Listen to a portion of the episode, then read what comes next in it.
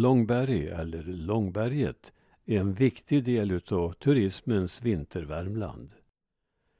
Brannäs är väl kanske lite mer känt, men där har man den stora satsningen på utförsåkning och eh, där kan man säga att längdåkningen är mer en liten bigren. Medan Långberg, Långberget har sin stora satsning på längdåkning. En stor skillnad är också att på Långberget finns det en sommarsäsong. Det är alltså öppet även för sommarturismen medan Brannäs då har släckt ner. Värmlandsbygden den 15 februari 2007. Långberget, vinteridyllen som lockar allt fler sommargäster. Vintern kan vara en påfrestande årstid. Helst av allt åker du söderut för att njuta av värmen vid Medelhavets stränder. Men alla plikter som arbete, ekonomi och andra realiteter hindrar dig. Då gäller det att göra det bästa av situationen som är.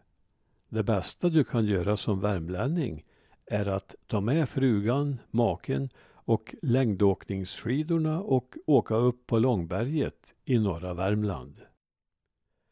Välj helst en vacker, lagom kall och solig dag utan alltför hårda vindar och ta god tid på dig.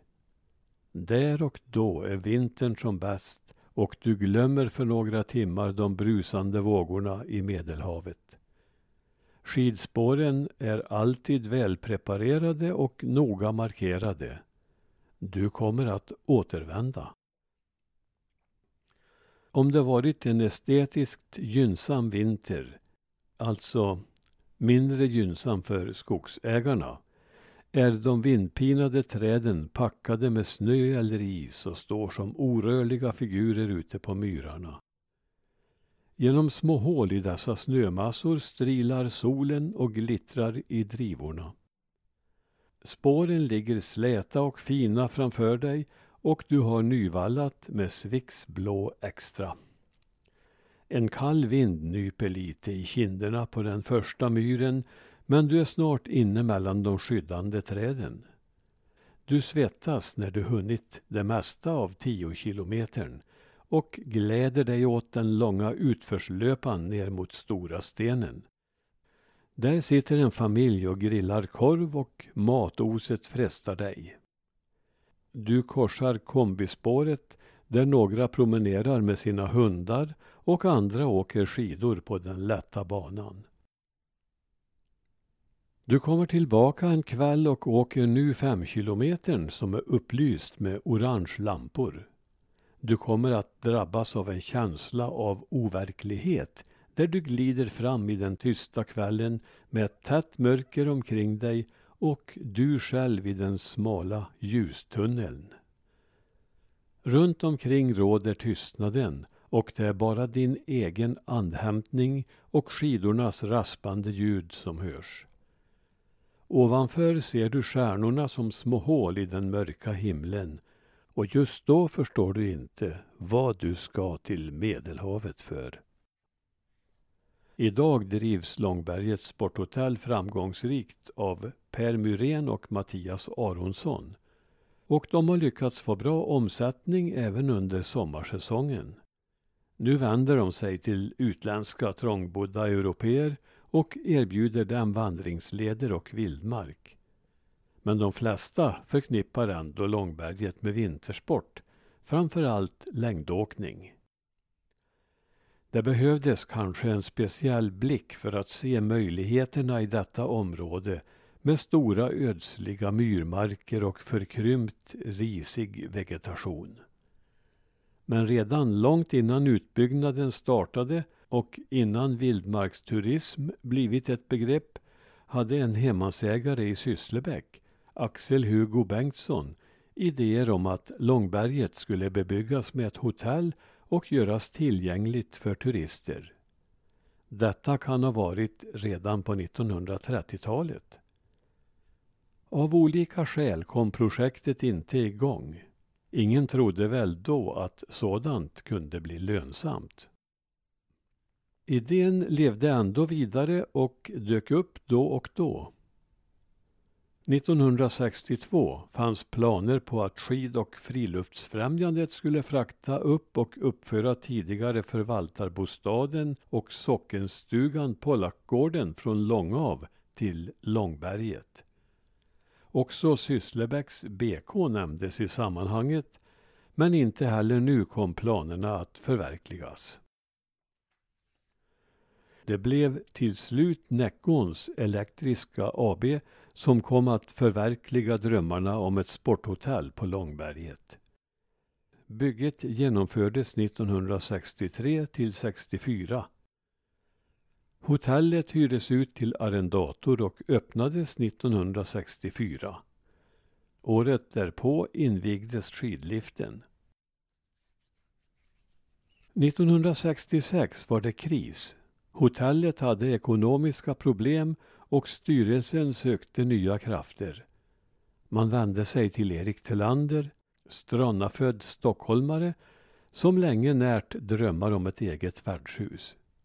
Ett sent kvällssamtal på telefon och saken var klar. Hustru Gulli gav sitt medgivande halvt i sömnen. Erik och Gulli drev hotellet ett par år och en del nyheter infördes bland annat på menyn. Bygdens folk ställde upp för mig och stödde det jag företog på Långberget, skriver Erik i sina minnesanteckningar. Utan överdrift gick rörelsen framåt. Där serverades nävgröt för första gången på restaurang, kolbulle, harr med römmegröt, tunnbröd med getost och gästerna trivdes. Där fick de kännedom om glesbygdens fördelar, hur folket levde förr och nu och vårt Finnskoga blev rätt välbekant. Så skrev Erik Telander. Skidspår drogs av bygdens främsta namn inom skidsporten, Toine Gustafsson. Erik var full av idéer men efter två år slutade paret och byggde istället upp Finnskoga värdshus i Höljes. Långberget skulle byggas ut och Erik reagerade mot dessa planer. 1968 överläts anläggningen till Långbergets Sporthotell AB med Näckån, Finnskoga Dalby kommun och privatpersoner som intressenter. Och den planerade utbyggnaden kom till stånd. Bolaget drogs med dålig ekonomi och 1974 gjorde det konkurs. Torsby kommun erbjöds köpa men avböjde. Så kom Holger Jansson in i bilden. Han hade andra intressen i bygden som ägare av Ransbysågen. Under hans tid rustades anläggningen upp och han drev den fram till 1988 då HSB köpte den för att ha ett komplement till Brannäsanläggningen. 1992 tog HSBs riksförbund över från HSB centrala Värmland. Nya ägare tog vid och satsade hårt på längdskidspår och kurser med elittränaren Lars-Göran Petersson. Varumärket Långberget stärktes betydligt. Så har det fortsatt också under nuvarande ägarna. Vi kom hit som nya ägare 2003 och vår första dag här snöade det. I september. Det tog vi som ett gott tecken, säger Per Myrén och Mattias Aronsson. Och bra har det ju gått. Den tidiga septembersnön var förvisso ett gott tecken. Men en gardering har ändå gjorts på senare år. Konstsnöanläggning vilket har visat sig vara en god investering i dessa alltmer opolitliga vintrar. Och där tog artikeln slut. Idag ägs hotellet av tre tidigare anställda personer ifrån bygden och det är Dan Nordström, Gina Persson och Annika Jonsson.